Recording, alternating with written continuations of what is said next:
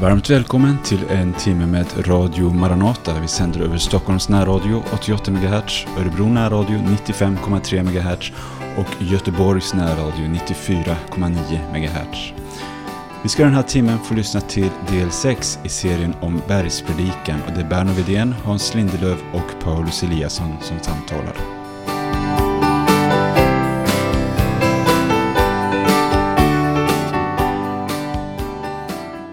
Varmt välkommen till det här programmet från Radio Maranata. I en timme framåt så är vi i sändning. Hans Lindelöv som är i Sverige, Paulus Eliasson, Norge tror jag. Och själv sitter jag i Dominikanska republiken. Jag heter Berno Widén. Vi ska fortsätta att samtala om bergspredikan i det här programmet. Men innan dess så vill jag ge en kort uppdatering om läget här ute på missionsfältet. Det är så att för två veckor sedan drygt så drabbades Haiti av en jordbävning. Och det är mycket förödelse efter den. Det var ju minst 2000 döda. Över 60 000 hus blev förstörda och det var mycket fler skador på många andra hus också och det var minst 12 000 skadade. Och det är alltså en stor tragedi för landet och vi vet att det är många organisationer som har vänt sig dit med hjälp. Nu är det så att vi bor ju själva i en batej som befolkas mycket av haitier här i Dominikanska republiken. Idag så fick vi eh, en eh, information då om två familjer som vädjar om hjälp. De har försökt eh, nå fram till oss under eh, ända sedan jordbävningen men har inte lyckats då på grund av att kommunikation har eh, Eh, stoppats. Det har inte funnits el, internet och så vidare. Men eh, nu vädjar de om hjälp. De har förlorat sina hem och ber om nödhjälp. De bor med sina familjer utomhus just nu under bar himmel. Så jag vill bara nämna den vädjan i början av det här programmet. Och om någon vill vara med och hjälpa till så är det välkommet. Du kan gå in på församlingens hemsida maranata.se och se våra kontaktuppgifter där. Det finns ett plusgirokonto som är 44 10 05 6 och det finns ett swish-nummer som är 123 155 1571. Och vill du sända en gåva som hjälp till eh, de drabbade i Haiti så är det välkommet. Skriv då Haiti som ändamål på din gåva. Ja, det är alltså Radio Maranata du lyssnar till och vi ska nu lyssna till en sång och så ska vi gå rakt in i ämnet.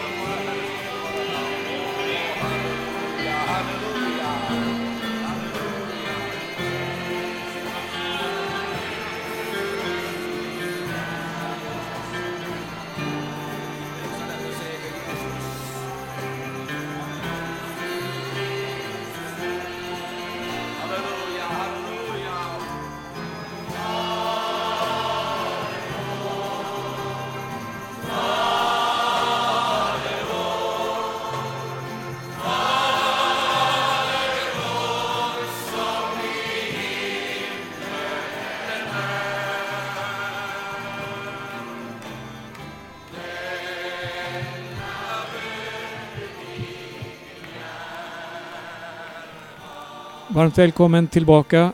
Det är Radio Maranata och vi studerar bergspredikan. Vi har haft fem program redan om bergspredikan och just nu befinner vi oss i den bönen som Jesus lärde sina lärjungar.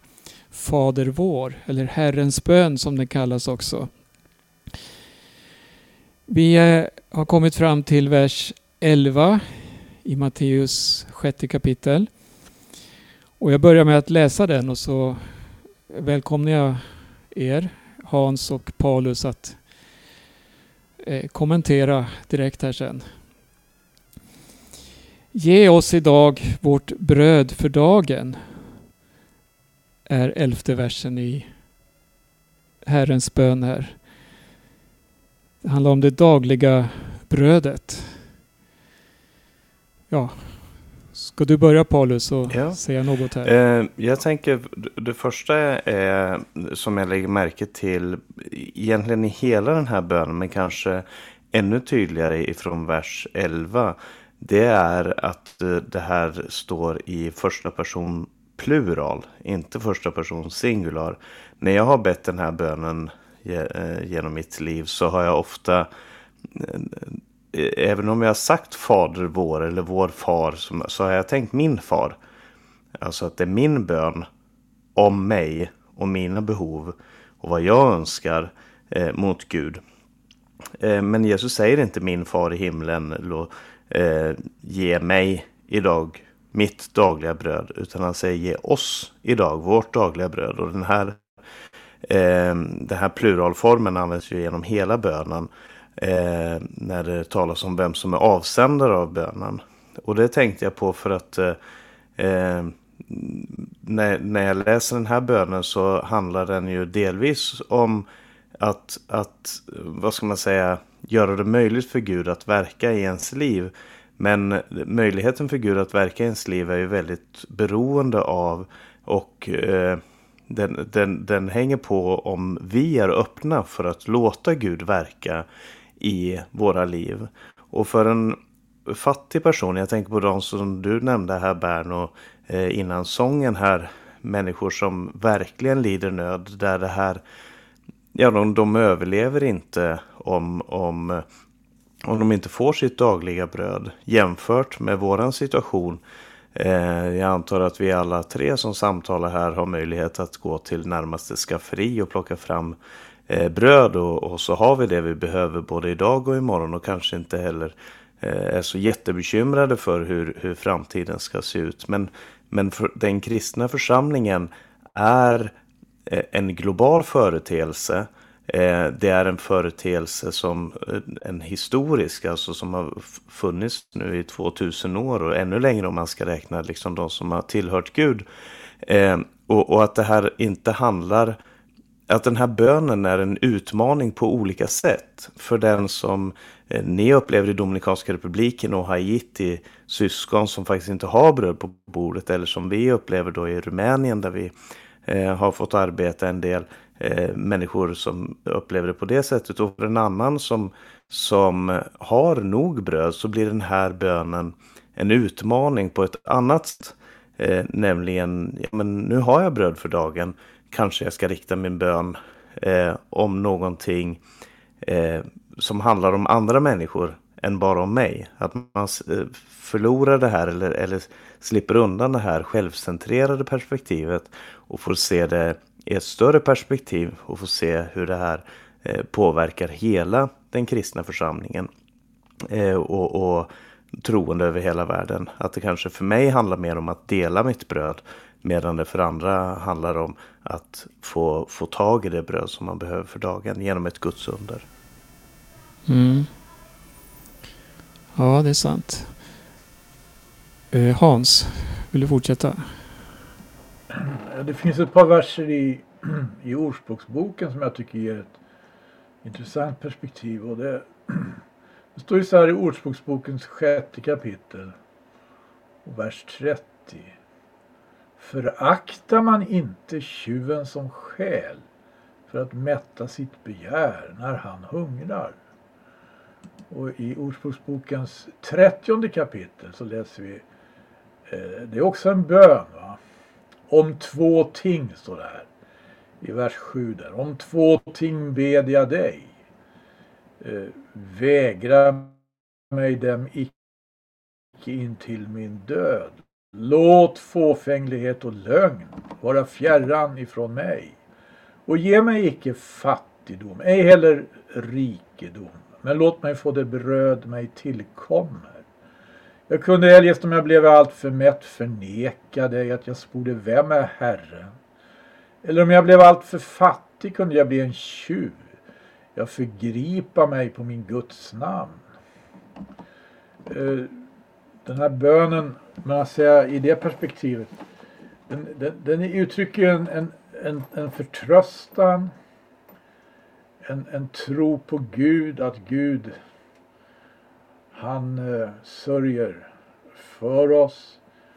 Och det handlar ju om att också undkomma ytterligheterna här. Att antingen bli för mätt. Vad frestas man till att göra då? Märkligt nog så frestas man tydligen inte Eller lockas man inte till tacksägelse alldeles säkert. Utan att förneka.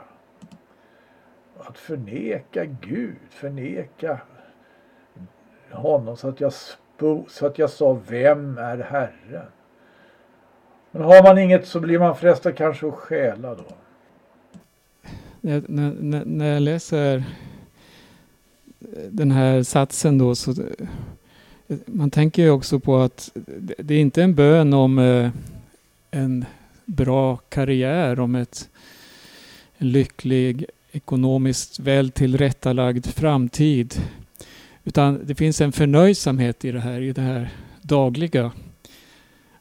Och den här dagliga, eh, vad ska man säga, att man är beroende av Gud och varandra. Och på ett sätt talar det här tycker jag också om det som återkommer senare då i Apostlagärningarna när samma lärjungar som lyssnar till Jesus här är med vid inledningen av församlingens födelse. Och en direkt konsekvens av, av att då församlingen formas, det är just det här dagliga. Man delade brödet med varandra. Det var något så självklart att man gjorde det. Just det här vi, oss. Det är alltså en gemenskap. Och, och det är inte bara vilken gemenskap som helst, utan det är Herren Jesus som säger ge oss. Och det visar ju att han är liksom det viktigaste i hela gemenskapen. Ge oss idag vårt dagliga bröd. Och så, och så får man inte missa den här parallellen också som finns till, till eh, Israels folk i öknen som fick uppleva det här dagliga brödundret. Eh, där de fick manna sex dagar i veckan. Och på den sjätte dagen så fick de dubbel portion för att kunna spara till den sjunde dagen. Och det, var, det handlade ju dels om att Gud försåg dem och att de skulle uppleva den här dagliga, det här dagliga beroendet av Gud. Att verkligen behöva ha Gud i sin närvaro och, och därigenom genom det behovet få uppleva undret. Som vi i västvärlden så, så ofta går miste om därför att vi har det vi behöver. Och precis som du sa Hans så leder, har det ju lätt stora delar av västvärlden att, att förkasta Gud och säga vem är Herren? Eh, medan andra människor som lever i mer prekär situation, som inte har någon annan att vända sig till, de ropar till Herren och får uppleva eh, stora under. Och, och, Paulus säger ju, precis som du nämnde här, eh, Berno, att, att eh, den här förnöjsamheten, han säger i första Timoteus 6 och vers 8, har vi mat och kläder så ska vi vara nöjda med det. Och Jesus använder ju flera gånger den här bilden av brödet och han gör ju också brödunder flera, eh, flera gånger. Eh, och i Johannes kapitel 6 så talar han om, om det bröd som kommer ner ovanifrån. Och han, han använder det här som för att sätta saker och ting i perspektiv. Eh, och, det, och det sker också i den här bönen. Eh, och man får dras mot Jesu eget ideal för hur, hur vi ska leva i, i, det, i hans rike. Mm. Ska vi läsa fortsättningen här då? Nästa vers den eh, talar om skuld och förlåtelse. Så här står det. Och förlåt oss våra skulder så som också vi förlåter dem som står i skuld till oss. Här är också det här homogena, det här vi och oss. Det är som en kropp som talar. Eller vad ska man säga? Ja, precis. Det är, det är en, eh, en, eh, eh, ett erkännande av att vi har en skuld. Det står inte förlåt oss om vi skulle få en skuld eller om, vi någon, om det skulle vara så att vi har en skuld så ber vi om förlåtelse för det. Utan att, att vi bär på det här. Eh, och bönen om förlåtelse står då också mot den villighet vi själva har att förlåta. Och, och om jag ska gissa utifrån hur Jesus behandlar den här bönen, vad han själv tycker är viktigast i bönen, så verkar det som att eh, det är just den här versen som han önskar att sätta extra fokus på. För att när han eh, i vers 14 och 15 fortsätter efter bönen och då har han ändå nämnt eh, andra saker emellan där det här för oss inte in i frestelse. Men när han i vers 14 och 15 fortsätter eh, så knyter han an till just den här versen. Om ni förlåter människorna deras överträdelser ska er himmelske far också förlåta er. Om ni inte förlåter människorna ska heller inte er far förlåta er överträdelser. Det verkar som att det här är, är något av det mest centrala och det här visar ju en ny livsstil som man får eh, i mötet med Jesus som, som eh, är den förlåtande. Han är Gud som förlåter människor genom att han offrar sig själv, genom att han själv bär vår synd, så, så förlåter han oss också. Och det här är ju brytandet av den förbannelse som man möter på Bibelns, eh, om inte första så i alla fall andra eller tredje blad, när det står om Kain som slog ihjäl sin bror och som skapade en, en hämndkultur, eh, en hederskultur baserad på hämnd som eskalerade och eskalerade ända fram till Noas tid. Eh, och där, där det här med att man skulle hämnas för blodshämnd och man skulle hämnas för sår och man skulle och så skapade man, försökte man skapa någon slags balans genom genom att inte förlåta utan vedergälla hela tiden. Men Jesus vill att vi ska bryta det här och det, och det är ett så otroligt viktigt tema i hela evangeliet.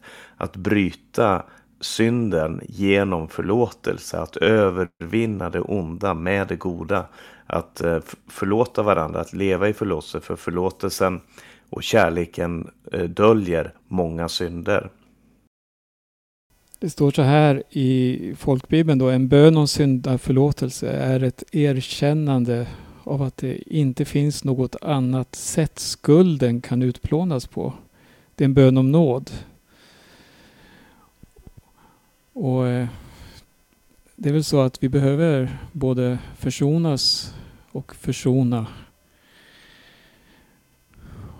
Och den stora försonaren har vi ju Herren Jesus Kristus. Jag tycker också det är en intressant jämförelse man kan göra när vi ser hur Jesus undervisar om tro i eh, Markus evangeliet. Då, då kommer han ju in på det här han säger så här i Markus 11 i kapitel 20, i vers 22 där. Ha tro på Gud. Sannerligen säger jag er. Om någon säger till detta berg, häv dig upp och kasta dig i havet och därvid icke tvivlar i sitt hjärta utan tror att det han säger ska ske, då ska det ske honom så.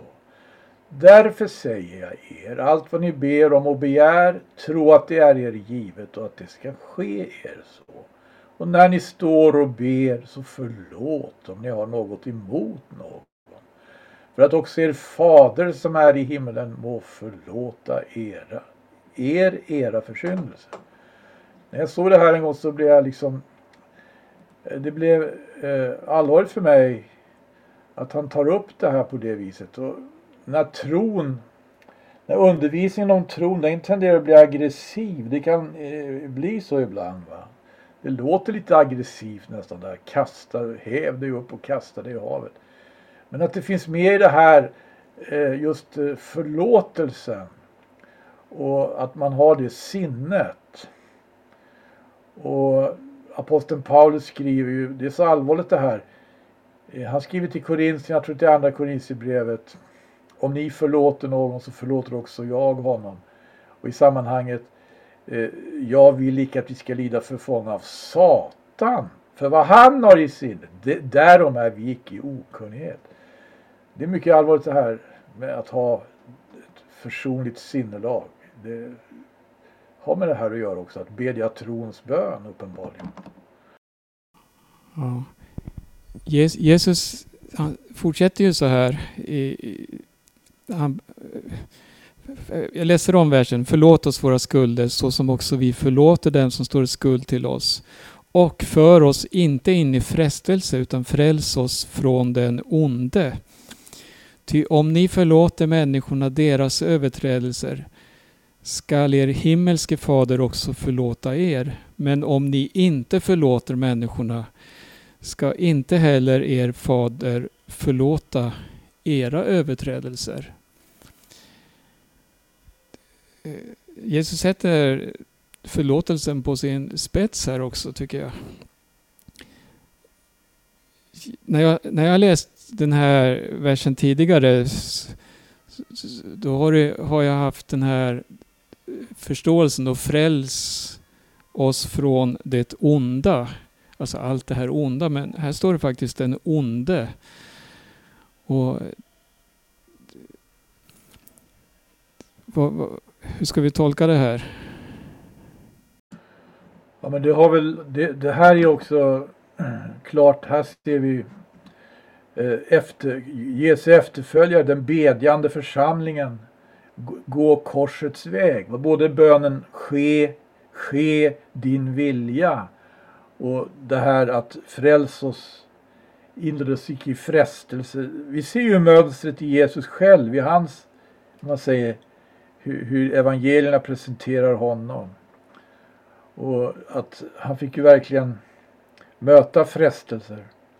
Och han fick möta frestaren själv. Och eh, det, det är mycket allvarligt att eh, vara rustad då. För det kan man ju få göra ibland kanske mer påtagligt än annars.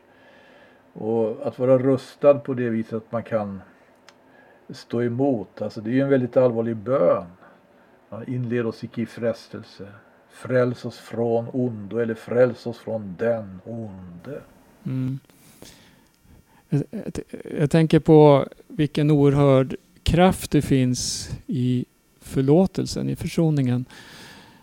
Man, eh, tänk dig en människa som går och bär på hat, hyser agg mot någon och det här bara växer och växer och det det blir som ett eh, stenhjärta till sist och bitterhet och det, det, blir värre och värre ju allt längre tiden går. Men, men, men, men så bryter det in ett förlåt, alltså eh, en försoning mitt i allt det här. Och det är som att det, det kan bryta de här bojorna som finns, de här, eh, det här hatet och det, det, kan skapa helt nya förutsättningar och, och, så ser vi då det här i ljuset på, på Jesu försoningsverk som har en så oerhörd kraft i sig. Det kan bryta syndens bojor. Det kan, det kan rena och skapa något helt nytt. Så, så vi ska nog ta vara på det här med förlåtelsen, nödmjukheten. Att i allt söka ja, det bästa för varandra, för sin nästa, för sin fiende med bön om förlåtelse. Och så, och så är det lite viktigt att lägga märke till det här också. Eh, för han använder lite intressant ord här. Det är inte förlåt oss våra synder. Eller förlåt oss våra missgärningar eller överträdelser. Eller, eller de här religiösa orden. Utan han använder just förlåt oss våra skulder. Och, och det grekiska ordet spelar på, på alltså en, en monetär, en, en ekonomisk skuld som man har. Och eh, jag tror att han använder det ordet just därför att alla som har haft en skuld, ett lån eller en skuld, någonting som, som växer. Jag kommer ihåg när jag, eh, när jag var ung eh, så, så hade jag en, en skuld Eh, och den, jag, hade liksom, jag hade ingen inkomst, jag hade inga pengar att betala med. Eh, så jag försökte ignorera det här först. Tänkte att eh, kanske de glömmer bort det. Men så fick jag påminnelser och det var räntor och det var växte och växte och, och det blev bara värre och värre. Och eh, det var naturligtvis oansvarigt av mig men jag kände liksom att nej, men jag har ingenting att betala med och så försökte jag liksom hålla det där på avstånd för jag vill inte ha det där in i mitt liv. Eh, för att det skapade sån ångest varje gång som jag tänkte på det där och varje gång som jag försökte komma på att jag skulle göra någonting med det. Ända till den dagen då det var en som kom och, eller en som jag berättade för eh, att jag, nu är det helt hopplös situation och som sa ja men jag betalar den där för dig. Och helt plötsligt så var det, det var som att kunna gå lättare, kunna tala lättare. Allting var, hela världen såg ljusare ut. För att, för att någon hade tagit den här skulden och så bara, nej men jag, jag betalar den här skulden för dig. Eh, och den makten, den sitter vi på att göra med andra människor. Inte nödvändigtvis betala deras skulder, även om det också kan vara aktuellt. Men att, att, ge, att förlåta en människa. Att bara säga jag, jag förlåter dig för det här. Och, och, det, och lösa den människan på det sättet. Eh, och själv att få uppleva den förlösningen. Jag tänker på en syster som vi har i Rumänien. Eh, och, och som har haft otroligt eh, svårt för, för att hon blev väldigt sårad under en period av syskon i församlingen. Hon blev väldigt sårad. Eh, de betedde sig ganska dåligt mot henne. Och eh, hon lämnade församlingen och jag, när jag kom dit till Rumänien så fick jag veta det att hon kom inte på några möten längre. Och jag gick dit för att prata med henne men hon var, hon var otroligt ledsen. Otroligt sårad, bedrövad och så. Hon sa jag kan inte förlåta, jag kan inte komma tillbaka på grund av det de har gjort. Och så sa jag, men vad gör du då? Ska du sluta vara kristen? Nej, sa hon, jag, jag är hemma och så sjunger jag sånger och så ber jag. Och då frågade jag, men vad ber du för någonting? Ja, men jag ber, jag kan inte så många böner, men jag ber Fader vår. Nej men så spännande, så jag. Vad, vad ber, hur är det den går? Kan du berätta den, hur den går på rumänska? Så jag. Och, och så citerade hon hela bönen och så kom hon fram till det här. Kiertane noa pakatele noastre. Förlåt oss våra synder. Och så här, vänta lite. Det där, den där bönen där, du ber alltså det. Förlåt oss våra synder som vi förlåter dem oss skyldiga är. Hon förstod inte riktigt vart jag ville någonstans först. Men så läste jag det där några gånger för henne. Och så, och så började hon, hon blev liksom väldigt rörd av det där. Och så sa hon att ja, jag hoppas att Gud svarar på den bönen. Att han, ska, att han ska förlåta mig och att jag ska lära mig att förlåta. Och hon är inte helt där ännu. Hon, men nu har hon börjat prata med syskonen i församlingen. Och hon har liksom börjat komma tillbaka. Och vi ber att hon, att hon också ska få uppleva att, att de andra söker hennes förlåtelse. Och att hon ska kunna lära sig att förlåta också. Och det här utmanade mig för att jag har så många människor som jag inte har förlåtit och som jag behöver eh, gå till. Och, och den här bönen den, den väcker verkligen, den skakar om en på ett, på ett väldigt kraftigt sätt. Mm. Det är klart när Jesus själv eh, sa till lärjungarna att så ska ni bedja, då förstår man att det är en mm. viktig bön. Och om jag, om jag får berätta en liten händelse till i Rumänien, lite annorlunda, eh, eller lite annan som gäller vers 13, för oss inte in i frestelse. Så hade vi en, en broder som kom från en annan församling som var på besök och, och som eh, han, han, de kallar han, honom för, eh, eller han heter Jeremia och de kallar honom för profeten för han, ser, han har så stort skägg och talar med en väldigt sån eh, åskväderröst. Och han, han sa att nu ska vi be Fader vår tillsammans, men då måste vi se till att vi inte ber fel. För att det står ju fel i våra biblar, för det står för oss inte in i frestelse. Och det stämmer ju inte, för i Jakobs brev så står det att Gud frestar ingen.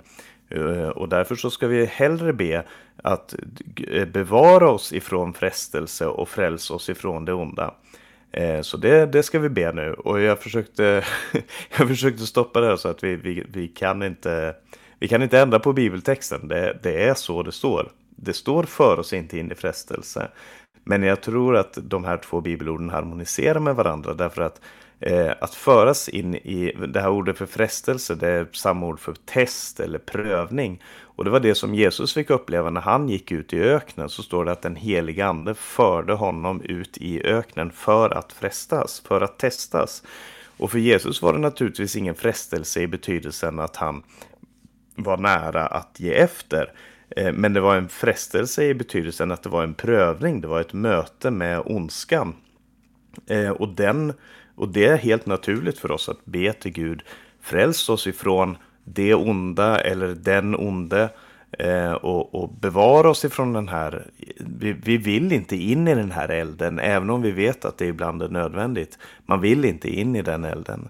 Jag vet att eh, jag tror det var väl påven som häromåret gick ut och sa att han ville att de skulle förändra i den här bönen. Det är som tur är inte hans auktoritet eller rätt att, att förändra någonting i den här och jag tror att Jesus uttryckte det precis som han ville ha det. Mm. Eh, ska vi läsa vidare? Nästa avsnitt här handlar om fasta. När ni fastar, se inte så dystra ut som hycklarna De vanställer sina ansikten för att visa människor att de fastar. Amen säger jag er, de har fått ut sin lön.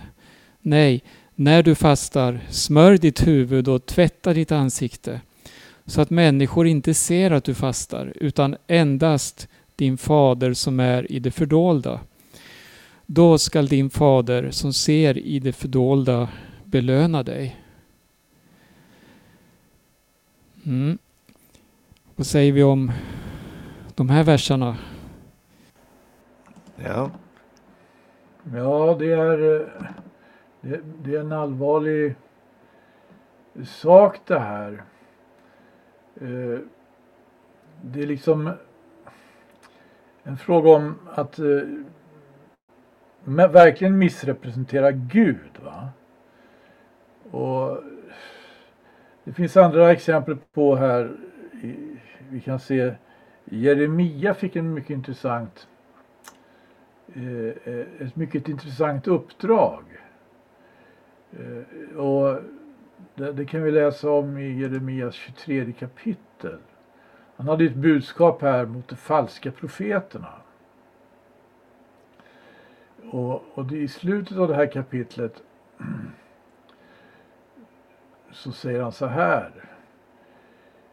Det var ett talesätt de hade. Vad förkunnar Herrens tunga och förkunna Herrens tunga. Det står så här eh, i 33 versen i det här kapitlet. Kapitel 23 alltså hos Jeremia. Om nu detta folk eller en profet eller en präst gör dig denna fråga vad förkunnar Herrens tunga? Då ska du säga dem vad som är den verkliga tungan. Och att jag därför ska kasta er bort, säger Herren. Och I det här sammanhanget, jag tänkte på det här, jag, jag försökte komma in, in, det här det låter liksom lite konstigt, va? tungan, tungan. Vad skulle det vara? Herrens tunga. Men eh, om jag fattar det här rätt, alltså, så var det ett sätt liksom att eh, göra, om man säger, eh, gudstjänst, livet i Gud och att tjäna Gud till något tungt. Något tungt och bedrövligt att liksom eh, utstråla på något vis att det här är det här är tungt, det här är bedrövligt. Och eh, på det sättet skrämma människor. Alltså, det, det är en slags en ande som eh, på något vis gillar det. Va? Och skrämma folk och, och, och hota. Och, och det, ut, uttrycka alltså eh, någon slags, ja som det heter, när ni fastar ska ni icke visa bedrövad uppsikt som skrymtarna vilka va- vanställa sina ansikten för att bli sedda med sin fasta. Sannerligen säger jag, de har fått ut sin lön. Och vad består den lönen i? Vad gjorde de för någonting? Jo, alltså de satsade på något som var helt missriktat. Och de kanske fick för den skull någon slags om vi säger, och- då- man såg upp till dem liksom. Man var rädd för dem liksom. Man eh, darrade och det, det här tyckte de, det, det, det var väldigt bra. Men här säger Herren Jesus Kristus, de har fått ut sin lön. Det är inte alls meningen att man ska liksom eh, lägga sådana här liksom föreställningar på människor. Ja, en sak som jag tänker på är att än en gång så tidigare så har Jesus sagt när ni ber, när ni eh, ger allmosor och här säger han när ni fastar. Det är en naturlig del av en kristens liv att fasta. Och med fasta menar man att, eh, att eh, inte äta någonting helt enkelt. Och, och i Bibeln så talas det om att vi, många fastade bara till det yttre och, och profeterna gick till rätta med det här och sa att den fasta som Gud verkligen önskar det är att vi lever rättfärdigt och så vidare. Eh, men det är också helt klart att när Jesus talar om fasta här så är det fasta från mat. Och, och kristna i alla tider har, liksom judarna, haft de här eh, har fasta varit en naturlig del av det kristna livet. Det har sett olika ut i olika tider, i olika kulturer och så vidare. Men det har alltid varit en naturlig del. Eh, I Bibeln så står det egentligen bara om en enda fastedag, en fastställd eh, fastedag. Och, och det var eh, den stora försoningsdagen, Jom Kippur. Så står det att man skulle fasta den dagen. Annars så var det här någonting som var frivilligt och det var framförallt, om man läser i Bibeln, ett tecken på att människor bröt med den dagliga rutinen för att visa Gud jag är inte nöjd med sakens situation. Jag, är inte, jag, jag, vill en, jag vill en förändring. Vi har syndat, vi har felat, vi har eh, kommit bort ifrån Gud och nu har vi förstått det här. Lite som eh, den förlorade sonen där det står han kom till sig själv och sa jag vill stå upp, jag vill gå till min far och så vidare. Det, det är när man är i den fasen av livet att man ser att nej men det här gick ju fel. Det här gick ju fullständigt fel. Det är då Gud vill eh, Det är då det finns en, en, en, det är en naturlig sak att man säger jag, jag lämnar maten, jag lämnar det här, den här dagliga rutinen för att gå in i en annan typ av kamp och en annan typ av vardag som, där jag vill visa att det är inte normalt det som händer här. Eh, och, och, du kan se alltså profeter, eh, Moses, andra som, som gick in i fasteperioder just för att söka Guds ansikte.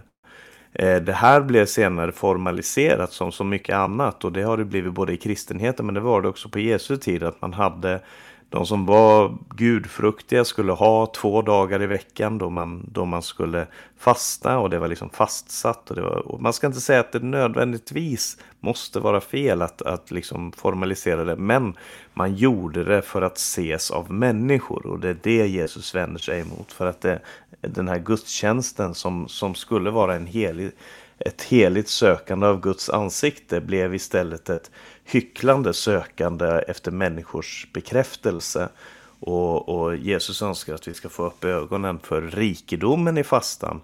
Och som då står i kontrast till fattigdomen i att söka människors erkännande. Ja. Eh, när jag läser den här eh, bönen då, eller det som Jesus säger, så det är ett direkt citat ifrån Jesaja 58. Och, och där handlar det om att först då att gå till rätta med folkets överträdelser. Att ropa ut, håll inte tillbaka. Höj upp din röst som en basun och förkunna för mitt folk dess överträdelse. Och sen står det om fastan och just det här var att eh, med samma ord som Jesus använder här. Men så fortsätter Jesaja och talar om vad en rätt fasta är. Och eh, då möter vi återigen det här som återkommer om och om igen i Jesu undervisning och också i Bibeln i övrigt, det som har med rättfärdigheten att göra. Att lossa orättfärdiga bojor, lösa okets band, släpp de förtryckta fria, bryt sönder alla ok. Dela ditt bröd åt den hungrige, skaffa de fattiga och hemlösa en boning. Klä den nakne var du än ser honom och drag dig inte undan för den som är ditt kött och blod. Och så kommer löftena. Jesus talar om löften att din far som ser i det fördolda ska belöna dig. Och i Jesaja står det då skall ditt ljus bryta fram som morgonrodnaden. Och jag, eh, jag tycker det, det, det, är så gripande att eh, läsa Jesu ord här om hur han, han fångar upp de sakerna som är så viktiga i allting. Vi har läst flera saker här om brödet, vi har läst om försoningen. Och här också om fastan, att det, det finns någonting ja, det finns övergripande mål. Det här är inte inför människor utan inför Gud. Och är det inför Gud, ja då handlar det om att också sprida Guds rättfärdighet till de som lider under orättfärdigheten. Ja. Är det någon som vill lägga till något mer här? Nej, jag vill bara säga att jag tycker att det är en, en eh, oerhört viktig eh, bön. som, eh, som man kanske, det här när vi har läst Fader vår, att eh, det kan vara en bön som är lätt att formalisera och, och bli formalistisk omkring och, och kanske citera av, av gammal vana eller man kan den utan till. Eh, och, och, det är en fara, men, men att göra en ansträngning är att verkligen längta efter att söka det äkta, både i bönen, i givandet och i fastan. Ehm, det är så otroligt viktigt och att det går hand i hand med, precis som du säger, den här sökandet efter rättfärdighet. Sökandet efter eh, den utgivande kärleken. Det är någonting som är oerhört stort och att göra det här i en förlåtande ande så att, eh, så att Guds rike kan manifesteras så att människor kan bli befriade ifrån det de bär på. Det, det är verkligen rikets nya liv i, i Jesus Kristus. Och sen skulle jag också vilja säga om den saken att det, det är ju en helt oersättlig förberedelse i det här att bedja om att, bli, att, att inte inledas i frestelse inför, inför ändens tid. Vi vet ju att Jesus har det här budskapet. Den heliga ande har ju budskapet till Filadelfias församlings ängel om en, frest, en prövningens stund som ska komma över hela världen. Frestelsens stund står det i ryska bibeln. Eller prö, i, i Uppenbarelsebokens tredje kapitel och tionde vers. Eftersom du har tagit vara på mitt bud om ståndaktighet skall och jag ta vara på dig och frälsa dig ut ur den prövningens stund som ska komma över hela världen för att sätta jordens inbyggare på prov. Nog, kan, nog är det på sin plats att bedja det, att icke bli inledd i frestelse. Pris Gud, det var en underbar bönhörelse som församlingen i Philadelphia fick här. Ja, verkligen. Eh, vi ska läsa nästa stycke här också. Samla inte skatter på jorden där rost och mal förstör och där tjuvar bryter sig in och stjäl. Samla er skatter i himlen där varken rost eller mal förstör och där inga tjuvar bryter sig in och stjäl.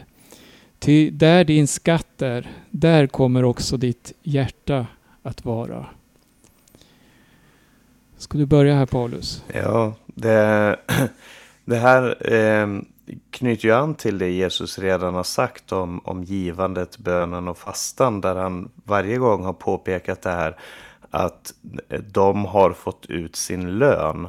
Och den som får en lön eh, samlar ju på sig den här lönen och får skatter. Och frågan är vart är den, var är den här skatten någonstans? Eh, och, och, han skiljer då mellan hycklarna och det som han ser som den här idealmänniskan, den nya människan som lever det nya livet, rikets nya liv. Eh, som, som då eh, söker sin far i det fördolda och som har sin relation med honom. Eh, och det, det är liksom som en konklusion av det, precis som kapitel 5 konkluderades med det här vara alltså fullkomliga så som er himmelske far är fullkomlig så konkluderar han det här med givandet, bön och fasta med de här orden. Samla er inte skatter på jorden eh, där, där rost och mal förstör och tjuvar bryter sig in och stjäl. Det är alltså en osäker skatt, det är en förgänglig skatt. Eh, men istället samlar jag skatter i himlen där varken rost eller mal förstör och där inga tjuvar bryter sig in och stjäl. Och någonting liknande säger Jesus i Matteus kapitel 19 när han talar till den här rike unge mannen som det står om. Eh, som kommer till honom och frågar eh, gode mästare vad ska jag göra för att ärva evigt liv? Och Jesus säger till honom du känner till buden och han säger jag har hållit dem eh, sedan min ungdom. Och Jesus säger vill du vara fullkomlig gå och sälj vad du äger, ge åt de fattiga. Då kommer du att ha en skatt i himlen. Kom sedan och följ mig. Det finns alltså inte bara en, en eh, skillnad mellan att ha en skatt på jorden och en skatt i himlen. Men det, det, verkar nästan som att Jesus säger att om du har en skatt på jorden så kommer ditt hjärta vara där. Och om du har en skatt i himmelen så kommer ditt hjärta vara där. Och det är en väldigt viktig eh, väldigt viktigt att fråga sig själv var, var är min skatt någonstans? I Lukas kapitel 12, i Lukas talar Jesus mycket om fattigdom och, och kärleken till de fattiga och hur man lever fattig. Och här, där säger han, sälj vad ni äger, ge åt de fattiga, skaffa er en börs som inte slits ut, en outtömlig skatt i himlen, där ingen tjuv når. Dit ingen tjuv når och där ingen mal förstör. Det här är ju ett parallellställe till det här. Eh, och, och än en gång så handlar det om att söka efter någonting som inte slits ut. Och jag tror att om man frågar sig vad är den här skatten för någonting så handlar det om relationen till Gud. Relationen till, till eh, vår skapare och vår fader i himmelen. Men det handlar också om vår relation till andra människor. För att i berättelsen om den orättrådige förvaltaren så talar Jesus, så använder Jesus den här bilden, jag ska inte gå in på det, men Jesus använder den här berättelsen för att säga att människor i den här världen, de förstår hur de ska använda pengar eh, som är, kan vara farligt för att vinna sig vänner. Men och, och, och på samma sätt så borde vi använda våra resurser för att vinna oss vänner i, den eviga, i de eviga boningarna. För att de ska ta emot oss i de eviga boningarna. Och det är ju verkligen en skatt i himmelen. Eh, så dels relationen till Gud men också att få se människor frälsta, att få se människor komma till Gud eh, och få uppleva gemenskapen med Gud. Det är en stor skatt i himmelen. Ja, Hans, ska du fortsätta? Ja, alltså här kom ju Jesus in på det som vi brukar kalla för eh, materialismen. Vårt förhållande till de materiella tingen. Vårt förhållande till det som vi kallar rikedom. Va? Och det visar sig att här, här talar han inte bara om materialismen då, om rikedomen i världen. Han talar om hjärtat, han talar om ögonen. Och att liksom hjärtat och ögonen, det är ju Alltså, man kan inte komma liksom människan närmare in på livet. Och att detta får vara fritt ifrån alltså att eller som, som han säger i, i, han talar till lärjungarna i Lukas 21 kapitel om ändens tid och att vi ska bedja eh, att vi ska kunna, eller hur uttrycker han det? Se till att ni, eh, att icke era hjärtan förtyngs av omåttlighet och dryckenskap och timliga omsorger. Hjärtat kan förtyngas. Va? Eh, det, det han riktar in sig på i den här undervisningen också, att hjärtat inte ska förtyngas. Utan att det ska vara fritt och att det ska vara, höra Gud till och Guds och de, och, och, och de, och de, alltså, och de dyrbarheter som, som Gud har i beredskap. Det tillkommande. Du, du, nämner om ögat här och det, det är precis fortsättningen där det står ögat är kroppens ljus. Om ditt öga är friskt får hela din kropp ljus. Men är ditt öga sjukt ligger hela din kropp i mörker.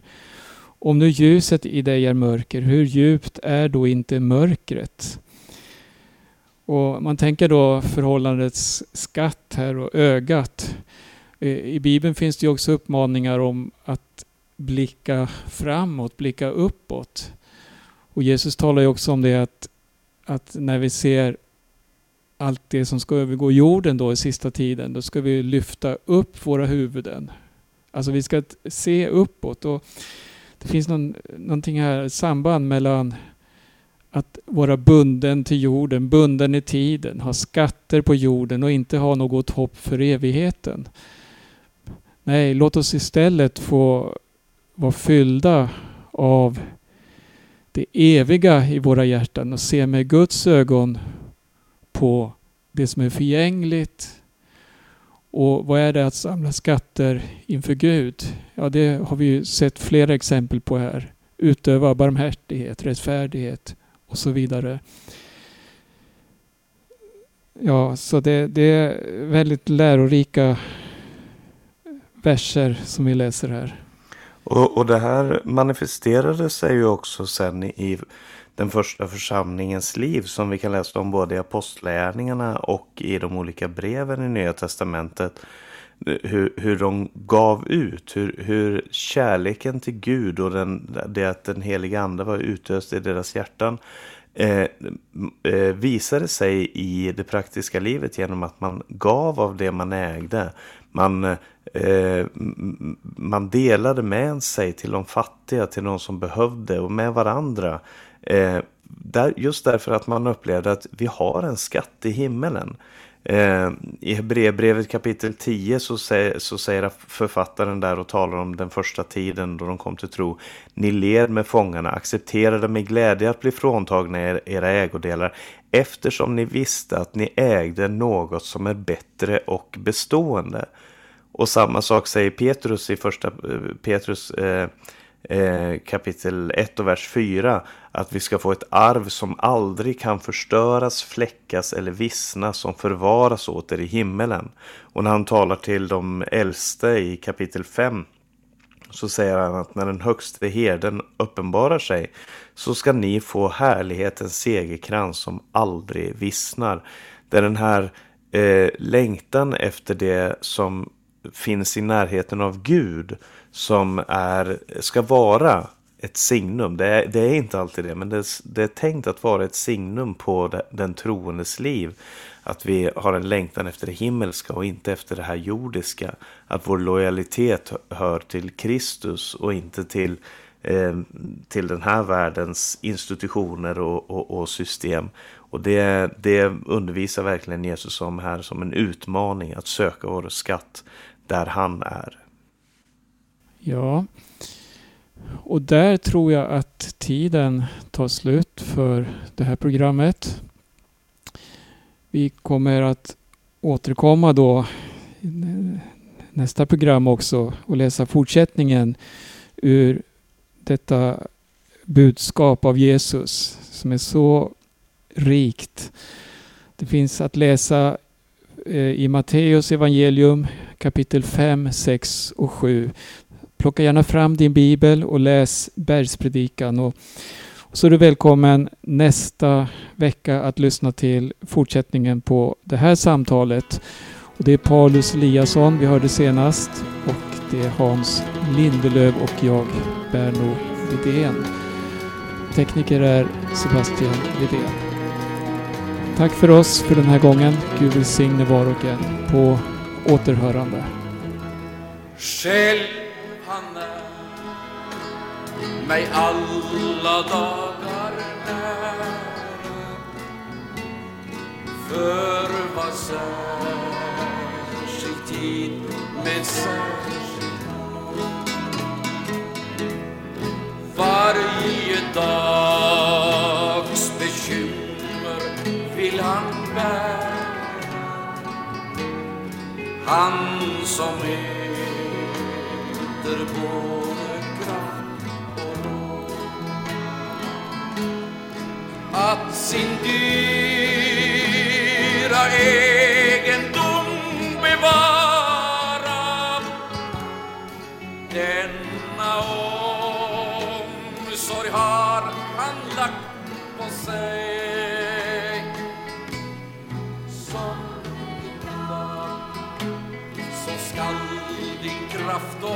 Vara detta löfte gav mig. Att sin dyra egendom bevara denna omsorg har han lagt på